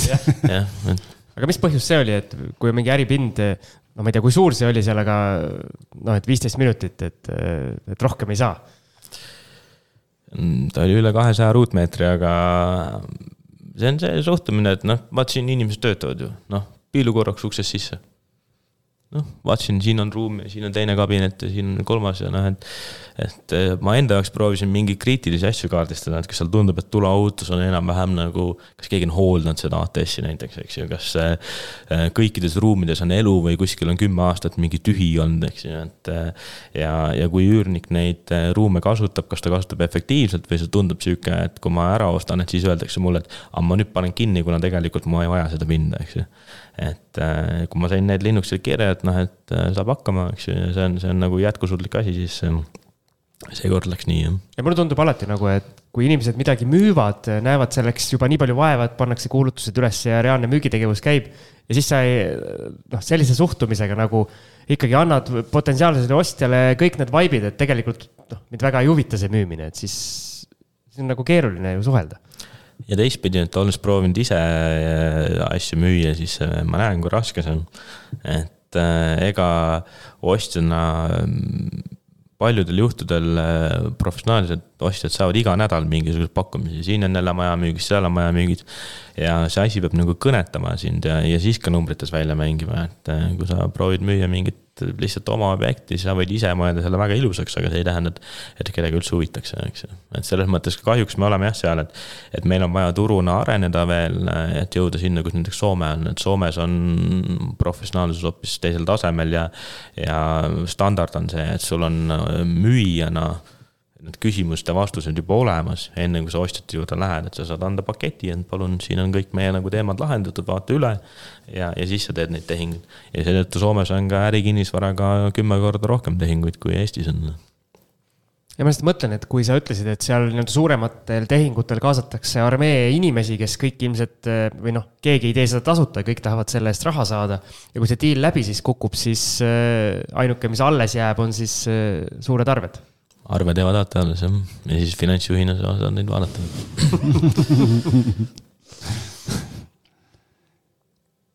Aga ma ikkagi julgustaks äh, inimesi, kellel on võib-olla mitte see esimene kinnisvaradiil, äh, vaid äh, on juba mingi kogemus olemas, näeb, et on korterite pealt oma kogemused kätte saanud, tahaks midagi uut vaadata, vaadata ka ärikinnisvara poole. sest täna on selles mõttes hea olukord, et Euribor on tõusnud, mis tähendab, et see finantseerimine on läinud kalliks kõigi jaoks ja ostjad veel ei ole võib-olla aru saanud, äh, kus on turu uus normaalsus, seetõttu ei toimu ka tehinguid. aga kui neid tehinguid hakkab toimuma, siis nad toimuvad juba äh, tootluste pealt, mis on oluliselt paremad, kui on korterite äh, tootlused, et korterite puhul see dünaamika on natukene erinev ja. ja ma ei näe, et see üürihind liiguks kohe kaasa sellega, mis siin müügihinnad on. aga ärikinnisvara ainukene põhjus, miks kõik osapooled, kes sellega tegelevad, on raha teenida mis tähendab, et kui sa sellega piisavalt raha ei teeni, siis, äh, siis on hind vale ja need hinnad ikkagi korrigeeruvad äh, oluliselt äh, kiiremini. Ma olen siin, avaldan saladuse, piilun ka aeg-ajalt seal erinevates portaalides äripindu, aga, aga noh, põhimõtteliselt minu jaoks on see mingi viinerimüügiputka ja mingi büroohoone. suht sarnane segment, kuna ma ei tea mitte muhvigi vot, ma käisin vaatamas äh, vahepeal ka ühte stripiklubi äh, mõttega, et äh, äkki on huvitav äripind. ja siis sain aru, et seal vist strippi tehti viimati kümme aastat tagasi, et siis see oli mingi muu klubi, jah? ma ei tea. klubiline tegevus vähemalt toimub klubikaart millekski muuks. see on siin ärksamatele noortele meestele hea äriplaan, et käid reede õhtuti, kaardistad ära erinevaid stripiklubisid ja siis vaatad, et millisel võiks olla potentsiaali, et ära osta. mõtle, milline menuk sa oma tuttavate ringkonnas oleks, kui sa ütleks, et ma ostsin stripiklubi Õnneks ma saan öelda igast muid asju ka, mida ma nagu noh, mis mu üürnikud on, et kuna mul on viisteist üürnikku oma nagu portfellis, siis äh, need ei ole kõik äh, nagu ühesugused, et äh, ka Jõhvis kümnest üürnikust kõige suurem on Telia, kellel on seal oma back-office kontor, tegime neile uue remondi vanasse hoonesse, nii et äh, kuni välisseinteni äh, kõik tegime puhtaks ja, ja põhimõtteliselt ehitasime ka uue hoone sinna sisse. ja neil on väga esinduslik ja siis on äh, ähm, üürnikud, kes äh, ei küsi, et noh, et mis ventilatsioon on ja nii edasi, vaid tahavad lihtsalt saada odavat äh, ruumi. ja, ja seal on mul äh, siukseid kohalikke ettevõtteid, et mõni maksab üüri õigel ajal, mõni maksab üüri ette, mõni maksab siis, kui. mõni ei maksa. siis, kui küsid, eks ju. siis, kui mõni klient satub. ja et siis, kui küsid, et, et selles mõttes ähm, on, on huvitav nagu äh, olla äh, niimoodi, et, et sa saad nagu noh, väga erinevaid asju näha, et aga noh, stripiklubi ikkagi, ma tulen selle juurde ei no see Narvas äh, olnud pind oli apteek, et kui ma oleks Narvas apteek, siis oleks ka huvitav asi, mida rääkida, aga noh, kahjuks see diil jäi ära, et. Kuule, aga meil tuleb boonusosa, äh, tuleb ka ühe väga põneva üürnikuga seoses, et sa võid lihtsalt etteruttavalt ära öelda, et, äh, et mis üürnikust meil juttu tuleb? ja, et üürnik, kes mul ruutmeetrite mõistes kõige suuremat pinda üürib, on kirik oo, nii. ja tegemist on siis äh, kristliku, aga gospel tüüpi kirikuga oh.. nii et kui ma käisin äh, peale väikest remonti, mis me tegime neile nende pinda vaatamas, siis äh, noh, ikkagi tseremoonial. see oli väga sihuke huvitav kogemus no soovitan võt, teistele ka. no vot, täpsemalt siis kuulete boonusosast, kus näeb, kus näeb, kus kuuleb boonusosasid, algis. Patreon.com kaldkriips kinnisvarajutud, nii et see, see boonusosa ja kõik teised siis on sealt kuulatavad. just, aga see boonusosa tuleb siis kuuldavaks mingi aeg hiljem, kui meil põhiosa on juba eetris, ärge, ärge minu käest küsige, millal see tuleb, siis kui ta tuleb, aga ta tuleb, tulemata ta ei jää. lubame. nii me oleme hästi palju rääkinud tootlusest ja sa oled äh, reklaaminud välja ka, et, äh, et et äripindade tootlused võiks justkui olla siis kõrgemad kui, kui korterite puhul, kus Siim Vaidas oma peamise nii-öelda tegutsemisteekonna seni on, on läbinud, aga räägime siis, mis need numbrid on, et mis tootlust äh, sina otsid oma objektidel ja mis see, mis see norm on seal? norm algab sellest, et Äh, ärikinnisvara ei ole mõtet osta, kui see tootlus on alla kuue protsendi. Äh, ja kuus protsenti peaks siis olema selline Tallinna kesklinna või, või ütleme, laopindade puhul näiteks Jüri ringi äh, äärne uus hoone, kus on väga hea üürnik, kellega sa saad pika üürilepingu, kus sa tead, et järgmised kümme aastat sa ei pea ühtegi probleemi väga palju lahendama, sest üürnik ise tegeleb nende asjadega, sul on triple net leping seal ja sa lihtsalt kirjutad arveid välja ja teenid raha. Äh, kuna minul nii palju raha isiklikult ei ole, siis mina vaatan neid hooneid, mis ei asu äh, Tallinna kesklinnas ja ei ole nii ilusad ja üürnikud ei ole ka võib-olla nii pika lepinguga aga ma proovin siis mingisuguseid faktoreid sealt ikkagi leida, et, et seda nagu säravat diili nagu kokku saada ja, ja siis selliste objektide tootlused on natukene kõrgemad, see natuke võib nagu sõltuda mm et ütleme, kaheksa-üheksa protsenti on, on ka väga okei okay tootlus. Äh, just ütleme näiteks Tallinnas siin äh, Alalaki tänava büroo puhul. Äh, aga kui see on juba Tallinnast väljas, siis tootlus peab olema kahekohaline, siis minu jaoks alla kümne ei, ei ole huvitav ja kui mõelda nende Eesti äh, väikelinnade peale, kus elu on täpselt sama tore kui Tallinnas, siis ega nende inimeste jaoks, kes seal elavad ja töötavad, ei ole see näiteks Jõhvi või ma olen ise Keilast pärit, Keila kuidagi kehvem kui Tallinn, eks ju. aga lihtsalt investeeringu likviidsuse mõttes see vahe on suur ja siis selle jaoks, et sa endale ära põhjendaksid selle, et miks sihukest stiili teha, siis sa pead lihtsalt saama rohkem tootlust. Ja tootlus omakorda tähendab seda, et kuna üürihinda Tallinna kesklinnas makstakse ikkagi rohkem siis see äh, lõpptulem äh, peitubki ruutmeetri hinnas, äh, millega neid objekte müüakse. et keskmine Jõhvi büroohoone ja neid on seal noh, väiksemaid omajagu. hind on seal suurusjärk sihuke neli-viissada eurot ruutmeeter versus Tallinnas proovi leida alla kolme tuhande, et. Kas me, äripindade puhul räägime ainult Äh, üüritootlusest või sul Excelis on arvutatud ka mingi väärtuse kasvu äh, faktor sisse? olles eelnevalt aktsiatesse investeerinud ja, ja näinud äh, väärtuste kasve ja langusi ja siis vahest ka mõnda dividendimakset, siis kinnisvara poole peal ma eelkõige lähtun ikkagi rahavoo tootlusest loomulikult on lootus, et pikas perspektiivis äh, vara enda väärtus ka kasvab, aga see vara, vara enda väärtuse kasv on äh, konkreetsemalt seotud selle üürihinna kasvuga. ja üürihinnad kasvavad Eestis tavaliselt siis, kui on inflatsioon. Kuna meil kümme aastat väga suurt inflatsiooni ei olnud, siis need üürid äh, väga palju ei muutunud. nüüd, kui meil ehitushinnad on ikkagi korralikult üles läinud ja, ja ka uut bürood on äh, Tallinnas väga raske teha nii, et sa üüriksid selle välja alla viieteist euro ruutmeetri või ütleme kesklinnas, kus maa ka maksab midagi, kahekümne euro ruutmeetri, siis äh, siis tegelikult nende vanade büroode, ütleme mitte nii vanad, aga näiteks kui kesklinnas mõni büroo on kümme euri üür, eks ju. siis seal on see potentsiaal, et mingi aja peale ta korreleerub natukene selle ehitushinna suunas edasi, et. ja siis võib ka vara väärtuse kasv olla. aga näiteks ütleme Jõhvi objekti puhul, kus ma olen investeerinud, siis äh, ma ei ole nii naiivne, et ma ootaks, et ma saan kunagi väga palju kallimalt maha müün, et ma ikkagi tahan seda raha täna saada ja, ja kui ma täna saan üürnikelt raha, siis ma olen nõus sinna objektiga jälle uuesti investeerida. ja, ja seda elukeskkonda paremaks tegema ja kui konkurendid seda ei tee, siis võib-olla minu maja vaikselt turu keskmisega võrreldes saab paremaks. kas äh, need ostu-müügisummad kuidagi äh, läbi, ütleme, räägitakse läbi mingi, ma ei tea, käibekordajate pealt või kuidagi või, või ongi, et mingi Äh, halli peaga lipsus äh, või ma ei tea, kampsunis või tossudega, vahet ei ole, kes see müüja on. tüüp lihtsalt paneb mingi hinna, mis ta arvab, et tema see hoone väärt on ja siis, siis nii on lihtsalt. kui objekti hind on üle viie miljoni, ehk siis seal liigas, kus ma oma raha eest ei osta neid, siis äh, seal on Excel taga, mille pealt see hind tuleb.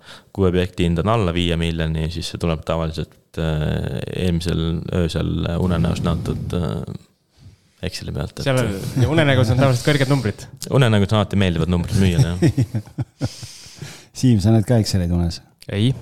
ja vahest äh, mõni müüja on siis mingil põhjusel hädas, et tal on päriselt raha vaja. ja siis võetakse ka ühendust hindajaga, küsitakse, mis hindaja sellest arvab ja hindajate poolt äh, reeglina tulevad sihukestest vanematel hoonetel realistlikud numbrid. ja kui ma saan hindamisakti hinnaga objekti osta, siis see on juba päris hea algus. nojah, sellepärast, et nii palju, kui mina olen äh, suuremate objektidega seotud olnud, siis nagu seal tekib reeglina mingid käärid tekivad sisse, sellepärast et äh, et äh, müüa, okei okay,, võtame rahavoo aluseks, on ju, me teame, mingi rahavoog on, on ju, seal mingi selle, selle baasil nii-öelda müüakse, aga, aga nii palju, kui nagu müüjad on sellistes tehingutes kurtnud, siis siis see probleem kipubki olema selles, et hindajad eh, on ikkagi nagu kon oluliselt konservatiivsemad, et nad ei võta, noh, et kui keegi on teinud väga head tööd, Tõnis on head tööd teinud, sul on seal, ma ei tea, eh, kümneprossune rahavoog on peal, aga noh, sa müüd, ma ei tea, kuue või seitsme prossu pealt, noh, nii-öelda tahad siis nagu saada sealt seda eh, head kasumit, on ju. et siis hindaja tegelikult äh, hindaja tegelikult hindab kuskilt äh, võib-olla veel madalamalt ja tekivad need käärid, sellepärast et pank finantseerib, finantseerib hindamisakti alusel. Äh, müüja tahab hoopis teist summat saada, ostja ütleb, et ma ei, ei saa ja sealt kuidagi jooksevad need asjad kokku, et on sul sellepärast ka mingeid tehinguid ära jäänud? Otseselt ei ole, et mul on hindajatega kokkupuudet piisavalt palju, et siis ma olen leidnud need hindajad, kes eh, omavad seda kompetentsi hinnata ja, ja suudavad leida ka neid võrdlustehinguid. Eh, aga tunnistan seda, et ega hindajate töö ei ole lihtne ja, ja igas piirkonnas neid võrdlustehinguid ei pruugi isegi kahe aasta jooksul piisavalt palju olla, et, et seda nagu tootlust hakata põhjendama kas äri kinnisvara sinu hinnangul on aktiivsem või passiivsem tegevus kui elukondlik? Kui võtta turu keskmine, äh, siis ma arvan, et ärikinnisvara on passiivsem, et sa omanikuna ikkagi saad äh, piisavalt suure objekti puhul osta sisse teenuseid, äh, millega elukondlikkus sa tegeled ise ehk siis alates haldusesse, see on esimene asi, mis outsource itakse. Äh, ka haldusjuhtimine ehk siis kui kuskil veeuputus on, et kes selle peale reageerib. Äh, kuni selleni välja, et Eestis on omajagu äh, investeerimisportfelle juhtivaid ettevõtteid, kes tegelevad ka sihukeste üürnike valikute, investeeringute, eelarvest lähtuvalt parenduste tegemiste ja, ja kogu sellega, et sa võid olla ka täiesti passiivne investor kelle sinu nimel on maja, no sul on seal juhatuse liikmed, kes sellega tegelevad, eks ju. aga selleks, et sinna jõuda, tuleb enne natukene möllata nende mitte nii passiivsete kinnisvaradega. kuule, aga ma küsin finantseerimise poole pealt, et, et ähm, sa ütlesid enne, et noh, et kui äri kinnisvara osta, et siis ikkagi nagu ikka ainult võimendusega, et, et. maksimaalse võimendusega. maksimaalsega jah, et ja siis vaatad, kas endal sahtlis ka raha on, on ju. Kuidas pankade suhtumine on ärikinnisvarasse investeerimisel, et äh, kas need laenukraanid avanevad siis nagu kergemini kui, kui äh, mingis Siimul siin elukondlikusse kinnisvarasse investeerides? mis mu laenukraanidel viga on? ei, noh, ma mõtlen veel, veel paremini kui sul ja, ja intressid on madalamad kui elukondliku kinnisvara puhul või, või seal see väga suuri erinevusi ei näe täna? ma alustan sellest, et äh, elukondliku kinnisvara finantseerimise turg on muutunud viimase viie aasta jooksul, et kui viis aastat tagasi oli soov üürikorteritele laenu saada, siis äh, tagasimaksegraafiku pikkus oli suhteliselt nutune ikkagi just nagu ettevõtte kaudu investeerides, et äh, kodulaenu sai küll kolmkümmend aastat, aga muidu sai seal võib-olla kümme, kaksteist, vahest viisteist. Ja täna ma tean, et saab ka kakskümmend ja vahest võib-olla rohkem pikema graafiku, see sõltub väga objekti asukohast, eks ju, et see asukoht ja objekt ise on ärikinnisvaras see esimene asi, mida vaadatakse. ja, ja see turu muutus, et äh, täna on võimalik pikemat graafikut saada, tuli ka natukene minu kaasabil, kui me esimest institutsionaalset üürimaja projekti, äh, mis asub seal Manufaktuuri tänaval, finantseerima hakkasime Äh, pensionifondidega, äh, siis me käisime kõik pangad läbi ja proovisime selgitada, et mujal Euroopas ärikinnisvara on riskantsem äh, sektor ikkagi, kui on suures mahus elukondlik tegevus. ja elukondliku kinnisvara tootlused ongi madalamad põhjusel, see risk on väiksem, aga seetõttu peab ka pank olema natukene paindlikum ja pakkuma pikemaid tagasimaksegraafikuid. et noh, intress on üks aspekt, aga kui sul tagasimaksegraafik läheb käest ära, siis sa lihtsalt ei saa seda laenusummat sinna peale ja noh, pika kaalumise peale lõpuks äh, tehti sellele objektile väga okei pakkumine ja, ja see järk-järgult muutis ka natuke seda ülejäänud turgu. Äh, aga mis puudutab, ütleme intressi poolt ja seda, siis äh, kui sa võtad ettevõttele laenu kinnisvara tagatisel, siis seal väga palju vahet ei ole, kas see on ärikinnisvara või ta on elukondlik. et see objekti risk, asukoht, need on aspektid, mis loevad, siis sinu enda kogemus, taust, kas see on nagu tugevam või, või väiksem ja siis ka see võimenduse ots, et kui sa võtad nagu maksimaalse võimenduse, sa alati saad natukene kõrgema intressiga laenu, kui siis, kui sa võtad vähem äh, võimendust, siis sa saad oma risk, riskiklassi parem ja, ja lõpuks pankadel on alati Excel seal taga, mis selle nagu äh, põhiintressi paika paneb. ja siis see äh, komakoht on seal sinu kauplemisvõime. kas sinna Jõhvi tõttasid kõik pangad, kellel sa kirjutasid sulle kohe raha laeva teele saatma? Tõnis, kus sa olid nii kaua, et ammu? tahtsime just Jõhvi investeerida. kuna mul tööalaselt on kogemust äh, pankadega ja pangalaenude taotlustega suhteliselt palju, siis äh,. sa tead, mis nuppe tuleb vajutada, jah? ma tean, kuhu helistada ja kuhu mitte helistada, et kellel ei ole mõtet helistada, neid on äh, Jõhvi puhul päris palju aga õnneks on ka neid panku, kes on nõus finantseerima, aga noh, seal objektil oli äh, päris mitmeid tagasi selle ostu äh, momendil ja sellises ajakavas, nagu müüjal vaja oli, äh, seda ei olnud võimalik äh, panga abil osta. aga kuna see oli väga odav, siis äh, me saime selle osta oma raha eest ära teha mõned asjad korda, mis seal oli vaja korda teha, näiteks katus sadas sisse sel momendil, kui me ostsime selle. ja teine korrus majal oli kasutusest väljas seetõttu, aga esimesel korrusel olid väga okeid üürnikud. ja ma ostsin selle umbes sada eurot ruutmeeter äh, koos üürnikega, siis äh,, siis me ostsime selle oma raha eest ja, ja siis, kui me need asjad korda saime, siis ma sain öelda, et aga mul on portfellis väga head rahavoogu teeniv objekt, et kasutaks seda juba järgmise ostu tagatisena. ja siis tekkis see pangalaen sinna peale. mis seal siis nii-öelda teisel korrusel olid lihtsalt ämbrid pandud äh, tilkuva katuse nende kõige probleemsemate kohtade alla ja niimoodi elati? jah ja kui ma küsisin alumiselt üürnikult, et, et kuidas nagu on, siis ta oli, nojah, et kolm kuud on juba olnud, aga noh, et äkki saate katusega kiirelt korda teha, et oleks ikka vaja. ja maja fassaad oli ka nii, et kolm külge olid remonditud, aga üks külg oli jäänud tegemata, kuna see oli seal maja taga, noh, et seda ei näe ja sealt natukene mõni kivi hakkas ka juba ära kukkuma, et siis äh, selle nagu remondini me kohe ei jõudnud, me võtsime küll eesmärgi, et me teeme selle ära ja selle me tegime siis, kui meil äh, tuli Telia, sest Teliale ei sobinud. et tagafassaad on sihuke kole. aga siis me olime nagu ausad, et, et me oleme nõus teile pakkuma linna kõige paremat kontorit. see lihtsalt ei näe täna selline välja veel, et äh, me teeme selliseks et noh, ma ütlesin, et mul kogemusi on ka teiste asjadega, et, et lihtsalt nüüd olen oma, oma nagu väikse rahaga siin, et aga et oleme nii paindlikud, kui teil vaja on, teeme kõik asjad täpselt nagu teie tahate. ja ma arvan, et on täna väga õnnelikud seal, et nüüd nad on juba üle kolme aasta olnud ja pikendasid ka meil lepingut.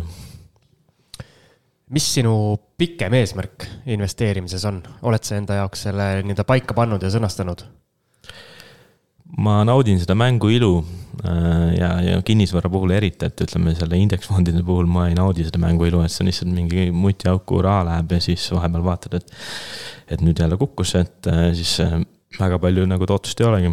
aga kinnisvara puhul mind ennast äh, drive ib ikkagi see, mis ma igapäevaselt teen ka nagu äh, Invegos ja, ja ma näen, et äh,, et kui saab midagi toredat teha niimoodi, et ma samal ajal teenin ka head tootlust, siis, siis see on see, mida ma teha tahan. mina jõin vett praegu, vaatab mulle otsa, mina jõin vett, et ma ei sellepärast saa, vaatasingi, et sind ma ei saa, ma ei saanud kohe küsima hakata, et. Ähm, hakka, hakka nüüd siis, nüüd, Algis, nüüd on õige aeg. Me oleme täna rääkinud sinust nii arendaja tooli peal kui sinust in, investorina, et ähm, mis positsioonil sa praegu oled, ostad, ootad, kuidas sa üldse seda lähitulevikku näed, et? Äh, kas sa ei kuulanud äh, meie ei no ma mõtlen, et, juttu või? et kui aktiivselt selles mõttes just ma mõtlen, et nagu no,. Et... siin oli väga konkreetselt räägiti, et üks objekt on praegu ostu, ostu. jah, aga, aga noh, see ei tähenda ju seda, et see peab nagu viimaseks jääma, et see nagu Tõnis ka ütles, siis need protsessid võtavad ärikinnisvara puhul aega reeglina, nii et. Äh, mulle meeldib osta asju ainult alla turuhinna ja kui keegi on selle no, hinnaga nõus äh, müüma, siis ma olen alati nõus kuulama. huvitav, kas on keegi, kellele meeldib osta asju üle turuhinna? päris paljud inimesed ostavad. Osta, ei, paljud ostavad. siin paar aastat tõestati ju väga selgelt, et nagu kõigile, kõigile meeldis osta üle turuhinna. oled sa kindel, et meeldis? noh. äkki oldi sunnitud no,? ja teine skaala on see, et äh, kuna ilusad asjad on äh, tavaliselt kallid siis ma ei saa öelda, et mulle meeldib koledaid asju osta, aga kuidagi ma sul jäävad silma koledad asjad. ostan tavaliselt neid asju, mis ei ole kõige esimeses nooruses ja, ja kus on vaja äh, objekti endale ilusaks mõelda. aga et siis äh,, kui ma olen selle ära ostnud, siis ma saan natuke kaasa aidata sellele, et see juba muutuks enam-vähem okeiks. kus äh, või mis linnades sa viimati, viimati käisid äh, järgmisi objekte vaatamas? kus sa siis ringi sõidad meil siin praegu? Viimati käisin äh, Viimsis, äh, enne seda käisin äh, Raasiku kandis, enne seda oli, võib-olla oligi seal Kärdlas, sai suvel käidud vaatamas ühte objekti Ida-Virumaal. On mul need koputajad kogu aeg peal, aga lihtsalt sajast objektist, mis seal täna müügis on, ükski ei vasta minu soovidele ja, ja kui vahepeal on kuskil Saaremaal või Viljandis olnud äh, mõni hooldekodu näiteks, siis on sõit ka sinna läinud, et. me rääkisime praegu väga laiast regionaalsest valikust, et äh, see halduspool tekitab minus neid küsimusi, et kui sa ostad mingi asja Hiiumaale, midagi ostad kuskile Lõuna-Eestisse, midagi sinna Ida-Virumaale, et äh, kui seal mingid probleemid tekivad, kuidas sa nende asjadega tegeled? Selleks on äh, lahendus, selle nimi on, tootlus peab olema piisavalt suur, et sa saad kohaliku halduri äh, võtta kuskilt ettevõttest.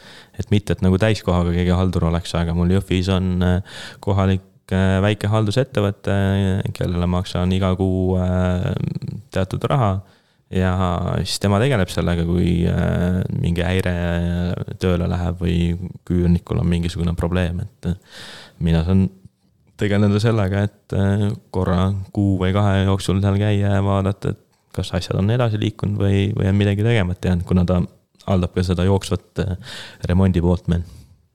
okei okay. ja, ja see on nagu see pluss, mida ma nägin selle objektiga kohe, et äh, see asi peab andma mulle piisavalt palju tootlust, et ma saan seda niimoodi run ida et seda, et ma ise jookseksin sinna kohale kogu aeg, no siis ma ei oleks sealt objektist kaugemale jõudnud. jah Siim jookseb ise igale poole. jah, okei okay,, kas äh, küsime meie maailmakuulsat kaks lõpuküsimust ka? ikka. Äh, et äh, kui me räägime, tegelikult üks küsimus. räägi mikrofoni palun, Algis Liblik. siis hakkab kõmisema jälle, ma pean eemal rääkima, et ähm, sa ei leia üles kahte viimast küsimust. Ei, ma mõtlen seda, et, et see natukene haakub, et meil on kaks erinevat küsimust, et üks on, et mis on peamised õppetunnid, mida sa tahaks teistega jagada siis nii-öelda ärikinnisvarasse investeerimisel ja meil tegelikult üks teine küsimus ka, et noh, me oleme küll siin erinevate küsimuste all, sa oled, oled äh, puudutanud, aga noh, et mis need võimalikud kõige suuremad komistuskivid on, et kui Siim saab nüüd tohutu inspiratsiooni täna siit, et me siin ühes osas rääkisime, et ta müüb oma portfelli maha ja siis ta läheb Costa del Solli ja hakkab seal ostma, aga et kui ta nüüd täna sai sellise inspiratsioonilaksu, et davai, kõik müüki ja nüüd ainult ärikinnisvarasse, et mis need kõige suuremad komistuskivid mul iga nädal on uus pivot on nagu. ja, ja, ja et noh, nagu kustpoolt tuul on ju et mis need kõige suuremad komistuskivid või õppetunnid on siis, mida sa tahaks teistega jagada? Mina soovitan ärikinnisvarasse investeerida koos sõpradega või, või koos mingite partneritega, kes äh, on usaldusväärsed. Sest igal juhul need summad on nagu suuremad ja, ja üürnik võib maksta mulle Jõhvis näiteks kaheksakümmend eurot kuus. aga ärikinnisvaras on ka üürnikke, kes maksavad sulle pool miljonit iga kuu. et, et selles suhtes see skaleerimise võimalus on selgelt siin olemas, aga seda saab ka skaleerida kellegagi koos ja see keegi koos võiks olla natukene teise profiiliga, et sa saad ka seda know-how'd ja, ja, ja kes midagi teeb jagada. et äh, päris palju on neid investoreid, kellel on nagu raha, aga teadmisi ei ole, siis võta punti see, kellel on teadmisi. ja kui sul on teadmisi nagu Siim, aga sul seda raha napib, siis võta punti need, kellel on raha. Ja kui sul on teadmisi ühest sektorist, aga teisest sektorist ei ole, siis proovi leida selle sektori tuttav, kes oskab sulle rääkida, et kuule, et mul on siin sihuke kuulutus, et mis sa arvad sellest, eks ju, ja inimesed äh, tavaliselt annavad hea meelega oma äh, nõu, kuna see on ju tore teistele öelda, et sa tead midagi mina ei tea midagi, aga ikka on tore rääkida. aga siis, kui, kui sa, kui sa midagi ei tea, ma lasen sulle viimase küsimuse ära küsida siis vähemalt. sul on spikker on ees.